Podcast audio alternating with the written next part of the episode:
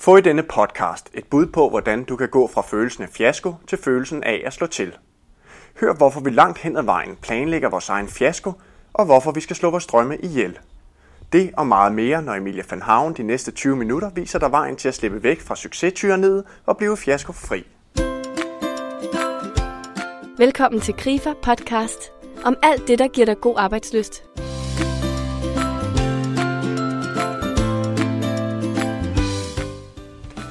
Emilie van Haven er bestsellerforfatter og foredragsholder og ekspert i moderne livsformer og samfundsmæssige trends. Hun er en af Danmarks mest citerede sociologer og bliver ofte brugt som kommentator i både danske og udenlandske medier. Jeg taler med Emilie van Haven på hendes kontor, som ligger midt i et travlt reklamebureau i Indre København. Mit navn er Jakob Fabricius. Velkommen til. Emilie van Haven, du siger, at vi lever i et urimeligt succestyranni, hvor ingenting nogensinde er godt nok, og jeg ved, at du har talt sammen og forsket lidt det her, og faktisk fundet frem til ja, 13 områder. Ja. Kan du prøve at nævne nogle af de områder? Jamen, det kan jeg sagtens. Det er fordi, jeg sad en, en dag og kiggede lidt på, hvad er det egentlig, altså hvor er skal man sige, nulpunktet for, hvornår vi egentlig er ok? Altså, hvad forventes vi, vi i hvert fald bare har styr på, som, som helt normalt? Og så var det, jeg begyndte at tælle sammen og fik et chok. Øhm, der er sådan noget som med, med kroppen for eksempel. Ikke? Vi forventes alle sammen at have et, et, et, et rimeligt BMI ikke? mellem 20 og 25. Ikke? Vi forventes også at leve sundt. Vi forventes at have et ordentligt parforhold, der fungerer. Øh, og hvis vi har børn og familie, at vi så har et nært forhold og et godt forhold til vores børn og vores familie. Så forventes vi selvfølgelig også at have et, øh, et job, og gerne mere end bare et job, øh, simpelthen også en karriere. Øh, vi forventes at have styr på vores økonomi, og helst kun positiv gæld, det vil sige husgæld, eller, eller noget, der minder om. Ikke? Øhm, og så skal vi selvfølgelig også have styr på vores bolig. Altså det er jo ikke bare et sted, men, men altså, der skal være indrettet og lidt lækkert. Mm. Øh, man skal også selv være lidt lækker, altså præsentabel og meget gerne følge med i moden i en eller anden grad. Ikke? Så er der også et klart krav om, at vi hele tiden har øh, som minimum noget efteruddannelse, men altså helst også gerne noget uddannelse. Det kan vi jo se den måde, som regeringen også øh, prioriterer penge og opmærksomhed på. Mm. Vi forventer selvfølgelig også at have et, et, et godt socialt liv, øh, på trods af ensomhed faktisk en af de store udfordringer i, i dag. Vi forventes også at have forholdsvis meget styr på IT og sociale medier. Altså vi kan ikke bare melde os fuldstændig ud af det der IT, øh, det IT-verden. Og så forventes vi også i en eller anden grad at have noget nærvær. Altså vi kan finde ud af at være til stede. Det der med at være stresset er virkelig, virkelig ikke særlig øh, Øh, hip overhovedet. Mm-hmm. Øhm, det er så bare øh, nogle af dem, det er ikke engang alle 13. Og, og, og det er det, det viser lidt om, altså, hvor meget vi egentlig skal, skal kunne overkomme for bare at være helt normale. Altså, der er vi ikke engang en særlig succes, der er vi bare sådan helt normale. Og så kan vi jo så lægge alle de der områder i livet ind over, hvor vi øh, har nogle særlige interesser. Øhm, så vi har travlt. og hvorfor er det så, du kalder det et tyranni? Hvorfor det bliver til et tyranni helt præcis? Tyranniet er, at, øh, at rigtig mange mennesker i virkeligheden har en, en ret høj andel af stress i deres øh, tilværelse. Og når man lever som en, altså, hvor det er normen, at man sådan set altid har travlt, eller bagud, eller føler sig sådan lidt eller noget, eller meget stresset, så er det jo ikke, fordi der er balance i det liv, man lever. Og det betyder, at man i virkeligheden bruger enormt meget tid og kræfter på at forsøge at leve op til nogle ydre omstændigheder, hvor man synes, at man skal have succes. Og der er jo altså en del af de der områder, som tænker, som måske ikke betyder særlig meget for den enkelte, men som de føler, at de skal gøre. Og fordi at, øh, at den her synlighed, der er kommet ind over vores liv igennem blandt andet de sociale medier, men i det hele taget, øh, så er vi endnu mere eksponeret og udstillet for, om vi nu også lever det der succesliv, eller om vi ikke gør. Mm-hmm. Hvis man skulle prøve at spole lidt tilbage, hvad er din oplevelse? Hvordan er det her startet, og hvorfor er det overhovedet vigtigt at tale om det her emne her? Jamen, jeg havde selv en oplevelse af det. Øhm, fordi øh, jeg kom med en bog her for snart et år siden, øh, og på alle ledere kanter, så, så var den bog faktisk, øh, ledet den op til en masse af de der faktorer, jeg ligesom havde sat op. Ikke? Altså de der mål, jeg har sat op for, om, om det skulle gå godt eller ej. Øh, men jeg fik bare også en anmeldelse, som gav mig to hjerter ud af fem, og, øh, og som virkelig ikke skrev særlig pænt øh, om hverken bogen eller mig. Øhm, og det var en bog om, om, om kvindelighed, om moderne kvindelighed, og det var en mandlig professor, der skrev om den. Og det, der skete, det var simpelthen, at altså det, jeg ville med bogen, var ligesom at vise, at det feminine stadig har en lavere status i samfundet end det maskuline. Og jeg skrev den meget selvbiografisk, plus en masse hvad skal man sige, viden omkring det der. Og, og, og den der anmelder, han, han, han, han latterliggjorde øh, i stor stil meget af det, som jeg havde skrevet om. Øh, og på den måde var han faktisk, altså gav han mig jo et eller andet sted den fedeste anmeldelse, jeg overhovedet kunne få, fordi at den i virkeligheden bekræftede alle mine pointer. Problemet var bare, at jeg tog det simpelthen totalt til mig. Og det gjorde jeg, fordi at den ramte et åbent sår, jeg allerede havde, nemlig det der med, at jeg følte mig et eller andet sted useriøs, overfladisk, dum osv. Og det var præcis det, han bekræftede. På trods af alle de andre gode anmeldelser? På trods af de andre firestjernede anmeldelser, på trods af, at den kom på bestsellerlisten, på trods af, at jeg havde simpelthen så meget mediedækning mm. på det, og havde flere forsider osv., og, og den sælger fint. Øh, og holder, jeg holder mange foredrag. Ikke? Mm. Men det, jeg kunne huske, det var den der. Og det var simpelthen fordi, at den ramte ind i noget, som var meget vigtigt for mig. Øh, og så begyndte jeg så at tænke, hvad fanden er det, der får? Hvorfor bliver jeg ved med at være ked af det? Hvad er det, der gør det nu? Øh, altså jeg kan jo se, at den har opnået alt, altså nærmest alt det, som jeg gerne ville have, den skulle opnå, for jeg synes, det var en, en succes. Men det føles som verdens største fiasko. Og ikke alene den føles som en øh, verdens største fiasko. Jeg følte mig også som en kæmpe fiasko. Og så begyndte jeg at snakke med folk om det, og opdagede, at det der, lige præcis det der med angsten for at føle sig som en fiasko, eller retteligt, føle sig som en fiasko, ikke? at det var simpelthen noget, som altså 9,9 ud af 10 mennesker, jeg snakkede med, følte. Og så tænkte jeg, det er jo helt skævt det her. Og, og det var så der, hvor jeg blandt andet så på, hvad er det for nogle områder af livet, som vi, vi gør, altså vi, vi, vi ligesom forventer sig at have succes på. Og det er det, jeg kalder for KPI-liv, som simpelthen står for Key Performance Indicators liv. Ja. Altså et, et, et sådan meget management-konsulent-term, man bruger øh, for virksomheder for at se, har de nu opnået de mål, de skal. Og det er faktisk lidt sådan, vi også har det mange gange i vores hverdag. Ikke? At vi et eller andet sted hele tiden måler os op imod de der Key Performance Indicators ikke? for at se det. Og, det. og det bruger jeg selvfølgelig for ligesom at vise, hvor absurd det i virkeligheden er, hvor helt håbløst det er, at vi meget benhårdt faktisk planlægger os til fiasko i stedet for succes, fordi det er de færreste mennesker, der kan opnå at, at, at, hvad skal man sige, at indfri alle de der forventninger, der er. Ja, fordi du, du siger også, du har en artikel, hvor du siger, at vi, vi planlægger os benhårdt til fiasko. Ja. Det er du nødt til lige at, at udlægge lidt. Hvor, hvor, hvorfor er det, vi gør det? Jamen, jeg tror, at øh, hvis jeg nu spurgte, nu, nu er det så forholdsvis tidligere om morgenen, ikke? men hvis jeg spurgte dig i går eftermiddag, om du havde nået alt det, der stod på din liste, hvad ville du så have svaret? Det, det har jeg ikke. Nej, det havde jeg ikke, hedder det. Det havde du ikke, vel? Nej. Og det er de færreste mennesker, der faktisk når alt det, de når, at de har skrevet op på deres liste. Øh, det er også, øh, vi lærer, at vi skal tænke at drømme stort. Fordi at, at hvis vi, hvad ved jeg, øh, altså det, det er den der klassiske med, if you can dream it, you can do it, eller hvis du sigter efter månen, så rammer du i hvert fald stjernerne. Den der meget sådan individualiserede forestilling om, at hvis bare at jeg ligesom gør, hvad jeg virkelig gerne vil, jamen så skal jeg bare sætte målet så stort, at jeg kan blive til hvad som helst. Det er jo sådan den der forestilling, vi har haft med os, især siden 80'erne, og som så er vokset op igennem 90'erne og 0'erne. Ikke? Øh, og det betyder, at rigtig mange mennesker et eller andet sted føler, at, at det der med at ville efterstræbe et, et såkaldt helt almindeligt liv, uden de store ting, som at bestige Mount Everest, eller lave en international bestseller, eller hvad ved jeg, ikke? at det slet ikke er godt nok. Og, og så folk, de planlægger sig, altså de, de, de synes, at de skal drømme stort, eller netop planlægge sig til en masse ting, de skal nå. Og mange gange, så kan vi slet ikke opnå det. Mm. Og det vil sige, at vi simpelthen helt basalt set planlægger os til at være en fiasko. Og det er jo altså ikke særlig smart i virkeligheden. Og jeg gør det jo selv, altså det er slet ikke det. Øh, men jeg tænker bare meget over det i dag. Jeg tænker, hvad er, hvad er rimeligt for, at jeg hele tiden i en eller anden udstrækning er i udvikling? For det er vigtigt for mig, for ellers så keder jeg mig. Men hvor skal jeg stoppe, så jeg ikke går rundt og hele tiden et eller andet sted føler, at jeg aldrig nogensinde mm. er god nok? Mm. Du siger stadig, at vi skal slå vores drømme ihjel. Det synes jeg lyder lidt sørgeligt. Mener, mener du virkelig det? Nej, det jeg mener, det er, det er jo fordi, at nogle gange så er det meget sjovt at sige sådan noget, fordi så får man folk op af stolene. Fordi vi netop lever i den her tid, hvor, hvor vi skal drømme stort. Ikke? Det jeg mener, man skal slå ihjel, det er de drømme, der rent faktisk gør, at man bliver ked af det og egentlig aldrig rigtig opnår dem. Og hvis man går rundt og spørger folk, ikke, hvad var din seneste store drøm? Øh, og hvornår øh, opnåede du den? Så vil du opleve, at rigtig mange mennesker siger, at jeg opnåede den faktisk ikke, så til sidst så opgav jeg den. Men de siger det på en måde, så de virkelig føler sig som en mega fiasko. Som om, at hele hvad skal man sige, energien og luften bliver taget ud af dem.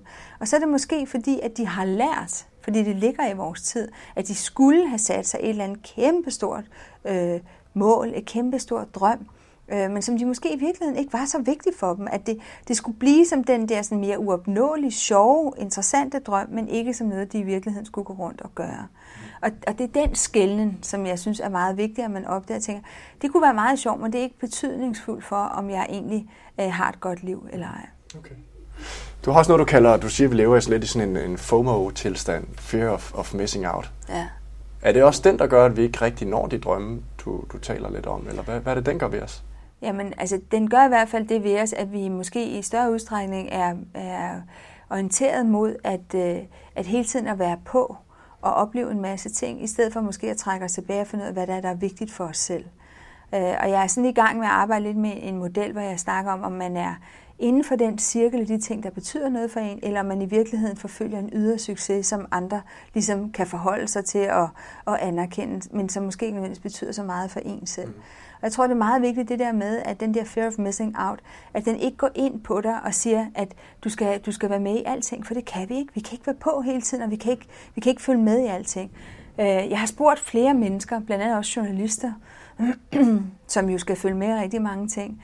Øh, men jeg har spurgt mange mennesker også om, synes du, at, at du egentlig følger nok med i alt det, du gerne vil vide noget om? Og der er aldrig nogen, der rækker hånden op.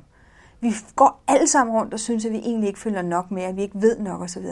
Det er godt nok også at planlægge sig mm. selv til, mm. til fiasko. Ikke? Mm. Så i stedet for at hele tiden at gøre det der, så tænk, jeg gør det, jeg kan, og det er godt nok. Mm. Øhm, en anden ting, som jeg også synes er meget vigtig, det er det der med, at, at i hele den her proces, så, øhm, så opdagede jeg, at succes i høj grad ikke handler om fakta. Altså det handler ikke om at opnå nødvendigvis nogle særlige mål. Det handler i meget, meget større udstrækning om at opnå en særlig følelse, som vi på en eller anden måde måske ubevidst har knyttet til det mål, altså det der meget faktuelle mål, som vi har sat op.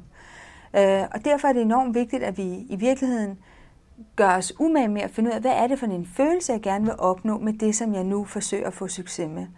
Øhm, og den anden side af det er, at når man så oplever et nederlag eller en fiasko, så er det heller ikke mange gange et spørgsmål om, at man ikke opnåede den konkrete ting, men at man ikke fik den følelse, man gerne ville have haft. Altså man tværtimod føler en mangel eller en tomhed, men oven i det kommer så også en, en anden følelse, nemlig skam. Skam over, at man faktisk ikke opnåede det. Skam over, at andre kan se, at man ikke var en succes. Eller skam over, at man simpelthen bare ikke synes, man var god nok. Og det er man med hårde vilkår i virkeligheden at sætte sig op imod. Der er meget, der tyder på, at vi er på vej ind i en vækstperiode, efter vi har haft den her krise siden 2008. Uh, øh, og på overfladen, så sker der jo mange gange det, at det er nemmere at have succes i væksttider, fordi alt jo ligesom går fremad. Og derfor bliver det, altså der er brug for flere mennesker, der er mindre arbejdsløshed, økonomien stiger osv. osv. Så på overfladen er det umiddelbart nemmere for de enkelte mennesker at få succes på de der KPI-områder der, som jeg snakker om. Ikke? Vi skal bare passe på én ting, og det er, at lykkepresset bliver simpelthen også bare meget større i vækstperioder. Og, og, og med det mener jeg simpelthen, at der er en større forventning til, at vi selvfølgelig skal være lykkelige og være en succes, fordi alting går fremad. Problemet er bare, altså som siger, udfordringen er, at netop i succestider, så bliver baren så også bare sat så meget højere. Og det betyder jo, at i virkeligheden, teknisk set, så er vi altså mange flere mennesker, der kan opleve et nederlag, fordi at det bliver sværere at opnå en succes i virkeligheden. Ikke? Og det forventes af os, at vi har en større succes, end vi har i krisetider. Uh, og mange gange så er der mindre fællesskab i væksttider, end der er i krisetider. Ikke? Mm. Så det skal vi bare være opmærksom på, at, at det her lykkepres, det faktisk vil stige. Og hvis ikke vi, vi vil være bange for at løbe ind i netop det der sådan, øh, ubehagelige, negative lykkepres, mm. så skal vi bare lige være opmærksom på, jamen, hvad er det egentlig, der betyder noget for mig. Så jeg taler også med en hel del mennesker om det, og, og eksperimenteret selv med det, og opdaget, at den aller fedeste, bedste kur mod den der følelse af fiasko, er øh, nysgerrigheden. Mm-hmm. For i stedet for at tage, tage fiaskofølelsen på sig, og mange gange så næsten gør den til en form for identitet i en periode af ens liv, så i stedet for at møde, møde fiaskoen med, nå, kan vide hvorfor? Altså stil nogle spørgsmål. Kan vide, hvorfor det her skete? Kan vide, om andre har det på samme måde? Kan vide, hvad jeg kunne have gjort anderledes osv.? For det øjeblik, at du går nysgerrigt til værks, så i stedet for at lukke dig, hvilket man mange gange gør i skam, ikke, så prøver man ligesom at gøre sig selv mindre og lukke sig og forsvinde lidt, så åbner man verden, og man åbner andre mennesker, man åbner sig selv. Og det er jo det er der, hvor man så ligesom kan mærke livet komme, komme tilbage til en. Ikke? Mm-hmm. Du siger også det her med, at, at fra, fra det her succestyranni, så skal vi egentlig bare komme hen til et eller andet sted, hvor det bliver en god dag, kalder du det, ikke? Jo. Hvad, hvad, du har også nogle råd der, ved jeg. Hvordan er det, vi kommer ja. hen til den der gode dag der? Ja, jamen det var også sådan en af de der ting, jeg ligesom måtte erfare selv. Fordi efter, altså jeg, af natur er jeg sådan meget ofte øh, meget positiv og, og glad. Altså når jeg vågner om morgenen, så tænker jeg, jeg kan vide, hvad verden har til mig i dag. Ikke? Øh, og sådan havde jeg det ikke i flere måneder. Jeg tænkte bare, det er jo, altså, jeg blev træt af mig selv over, at jeg, altså, hvorfor pokker kan jeg simpelthen ikke komme ud af det her? Og på et tidspunkt, så tænker jeg, okay, jeg, jeg, jeg kan simpelthen ikke overskue øh, det næste halve eller hele år, altså, så er jeg ligesom ude af det osv. Men hvad kan jeg så bare gøre i dag, for at i dag bliver en god dag? Altså hvilken lille ting eller stor ting kan jeg bare gøre i dag? Og så tager jeg simpelthen en dag ad gangen. Og det begyndte jeg så at gøre, og jeg kunne simpelthen tydeligt mærke, at det var en kæmpe forskel, fordi det er mange gange uoverskueligt, at man ligesom skal ligge en stor plan, der skal gøre en lykkelig igen, når man nu er rigtig ked af det, og ikke nødvendigvis forstår, hvorfor man er blevet mm. så stærkt ramt af det. Ikke? Øh, og det oplever alle mennesker jo på, eller andet, altså på forskellige tidspunkter i deres liv. Så jeg, jeg, jeg begyndte at, at, at kigge på det der med bare, hvad, hvad gør i dag til en god dag? Fordi det, der selvfølgelig sker helt logisk, det er jo, at hvis hver dag bliver en god dag, så bliver hvad skal man sige, resten af dit liv jo også. Øh, og indimellem så har man en dårlig dag, men så kan man gøre en lille god ting, der gør den lidt bedre. Og først senere opdagede jeg, at det faktisk er øh, en metode, som bliver brugt af anonyme alkoholikere og andre af samme slags. Og det er jo, okay. det er jo meget interessant, ikke? Altså, fordi det er jo faktisk en, en metode, som er ekstremt anvendelig, og som er meget praktisk. Altså, alle kan lave den, ikke? Øhm, så man kan jo også sige det der, hvis man tager en dag, en dag gang, er, er det ligesom at tage den her store forkromede succes og brække den helt ned i nogle små bidder, der er til at, at gabe over, eller bliver man, eller spurgt på en anden måde, bliver ens liv bare en succes, hvis du har mange gode dage? Er, er det egentlig det, du siger? Jamen et eller andet sted tror jeg, men jeg tror, noget af det vigtigste er at beslutte sig for, hvad er en succes for mig? Og det er lidt derfor, jeg snakker om de der KPI-liv, eller de der 13 mm. områder. Ikke? Mm. Fordi det er jo noget, vi bare har taget til os. Altså, at, at det ligger i vores tid, det ligger i vores samfund, og det ligger vi en del af en, en, et fællesskab. At så skal vi selvfølgelig forsøge at leve op til de der ting, der gør, at vi bliver inkluderet i fællesskabet, og ikke ekskluderet, hvis vi får underlige eller ikke gør det, som de andre gør. Og det er et eller andet sted måske efterlyser, det er, at vi finder ud af, hvad er egentlig vigtigt for mig. Og en af de der helt konkrete ting for mig, det var, at jeg ville simpelthen, altså en, en, en, i, i mange år, så havde jeg drømmen uden at turde sige højt, ikke? og det var at få en international bestseller, fordi den ville være adgang til en masse ting. Men mest af alt ville den vise mig, at jeg sådan set havde noget at bidrage med ind i fællesskab, som mange kunne bruge. Øhm, og så på et tidspunkt begyndte jeg så at sige det højt, netop altså apropos det der med, hvis du sigter efter månen, så rammer du i hvert fald stjernerne, og if you can dream it, you can do it, mm-hmm. så jeg mhm. tænkte, nu begynder jeg at skulle sige det højt. Ikke? Og et eller andet sted, så begyndte jeg jo at identificere mig med, altså min personlige succes som menneske blev identificeret med, om jeg nu fik den der internationale bestseller. Og den her bog øh, er så ikke blevet det, i hvert fald ikke endnu, altså jeg tror så heller ikke, den når at blive det. Men jeg skulle på en eller anden super underlig måde igennem det der med, at det blev den nok ikke, og det handlede jo ikke om, at jeg så var en, en fiasko, men at den der bog ligesom bare, du ved, altså en masse af de der tanker skulle jeg igennem. Og det, det er lidt det, jeg mener med, at altså, der kan jeg mærke, at det tænker jeg, altså, ja, fedt, hvis det sker, men det er ikke det, der definerer, om mm. jeg er en succes eller ej. Og, og, og jeg ved, jeg absolut ikke er den eneste, der render rundt med sådan nogen. Man skal bare ligesom identificere, hvad er det egentlig, der render rundt og styrer dig bag om mm. ryggen mm. med nogle forventninger, der ligger til dig selv. Men tror du ikke, der er mange af os, der render rundt med de drømme lidt, eller noget af det, du nævner der, det kunne være alle mulige andre ting også, men af frygt for ikke at nå det, så i talsætter vi det netop ikke. Altså, så holder vi det for os selv. Ja. Er, er, det ikke det, er det ikke sådan, mange mennesker egentlig gør? Jo. Fordi så kan man ligesom gå med den der skam, som du kalder det, gå ja. med den alene, så prøver omverdenen ikke ligesom at se det. Ja, og det er jo så der, hvor du lukker dig, og faktisk Præcis. ikke er med til at, at, at netop skabe forbindelse til andre mennesker. Fordi det, jeg opdagede ved at begynde at snakke om det her, det var jo, at netop de der 99,9 procent nærmest af alle dem, jeg mødte, havde den her, både en indre skam, men også et, en, en frygt for, at de faktisk var en fiasko. Mm. Øhm, øh, eller i hvert fald var bange for at blive afsløret, som om de var det. Ikke? Øh, og i det øjeblik, at vi talte om det, så blev, det, så blev vi jo alle sammen befriet. Altså vi hjalp hinanden til at befri os selv fra det der tyranni, som jo netop er det der succes-tyranni. Ikke? Mm. Så jeg synes, at når man har den der drøm, for det første skal man, skal man prøve at sige den højt, så man kan mærke, hvordan den er. Øh, dernæst del den, øh, for at høre, hvordan andre har det med den. Ikke? Og for det tredje, lad være med at identificere dig selv, altså som menneske, med den der drøm, som at, at du kun er en succes som menneske, hvis du opnår den drøm. Mm. Vi bliver simpelthen nødt til at adskille os fra de der meget sådan, konkrete ting, for at se, om jeg er en succes som menneske. Og i stedet for at kigge på, øh, den ene ting er, gør jeg i virkeligheden det, jeg virkelig elsker? Altså, lidt pøj med, øh, altså pyt med, hvad andre synes, men hvis jeg gør det, jeg virkelig elsker, for, for mig til at føle mig levende, om det er på arbejdet, eller om det er min fritid, eller hvornår det er, det er sådan set ligegyldigt. Ikke? Men, men gør jeg det, der virkelig betyder noget for mig, men den ene ting, og den anden ting er, hvad er det for nogle mennesker, hvem er det, der har, har adgang til at mene noget om mig, hvor jeg gerne vil tage det ind, og hvem har ikke adgang til at mene noget om mig. Mm. Men når man begynder at lave den der skælden der, så begynder det lige pludselig at blive meget, meget nemmere at, at navigere i hele det her succes, øh, fiasko øh, verden. Ikke? Fordi øh, hvis en eller anden, som ikke betyder noget for dig, mener noget grimt om dig, så går det ikke ind og slår, altså, slår dig øh, ud, fordi at, at øh, det er lidt lige meget, altså, hvad de synes. Men hvis det så er din kæreste, eller din kone, eller en god kollega, øh, så bliver det som regel også sagt i kærlighed. Øh, fordi du ligesom har det, det forhold til det menneske. Og så er det værd at lytte efter. Ikke? Du har nu lyttet til en Grifer podcast med Emilia van Havn. Jeg opsummerer her hendes mest centrale pointer. Langt de fleste af os kender til følelsen af fiasko. Oftest en følelse, der ikke bygger på fakta, men på alt for høje forventninger. Det, som hun kalder succes-tyranniet. Drop KPI-livet. Det du gør, er godt nok. Du skal ture at dele dine drømme med fællesskabet. Og måske dræbe de drømme, som gør dig ked af det, og skamfuld over, at du aldrig har opfyldt dem. Adskil dig selv fra drømmen. Lad være med at identificere dig selv som menneske med din drøm. Og det gode spørgsmål, som du skal stille dig selv ifølge Emilia van Havn er, hvad gør dig glad i dag, og hvordan kan i dag blive en god dag? Men lad dig inspirere af mange af vores andre podcasts. Blandt andet om motivation i arbejdslivet med Ulrik Vilbæk, eller hør Søren Pins bud på, hvordan du kan blive mere modig i hverdagen. Find dem på appen God Arbejdsløst eller via en traditionel podcast-app.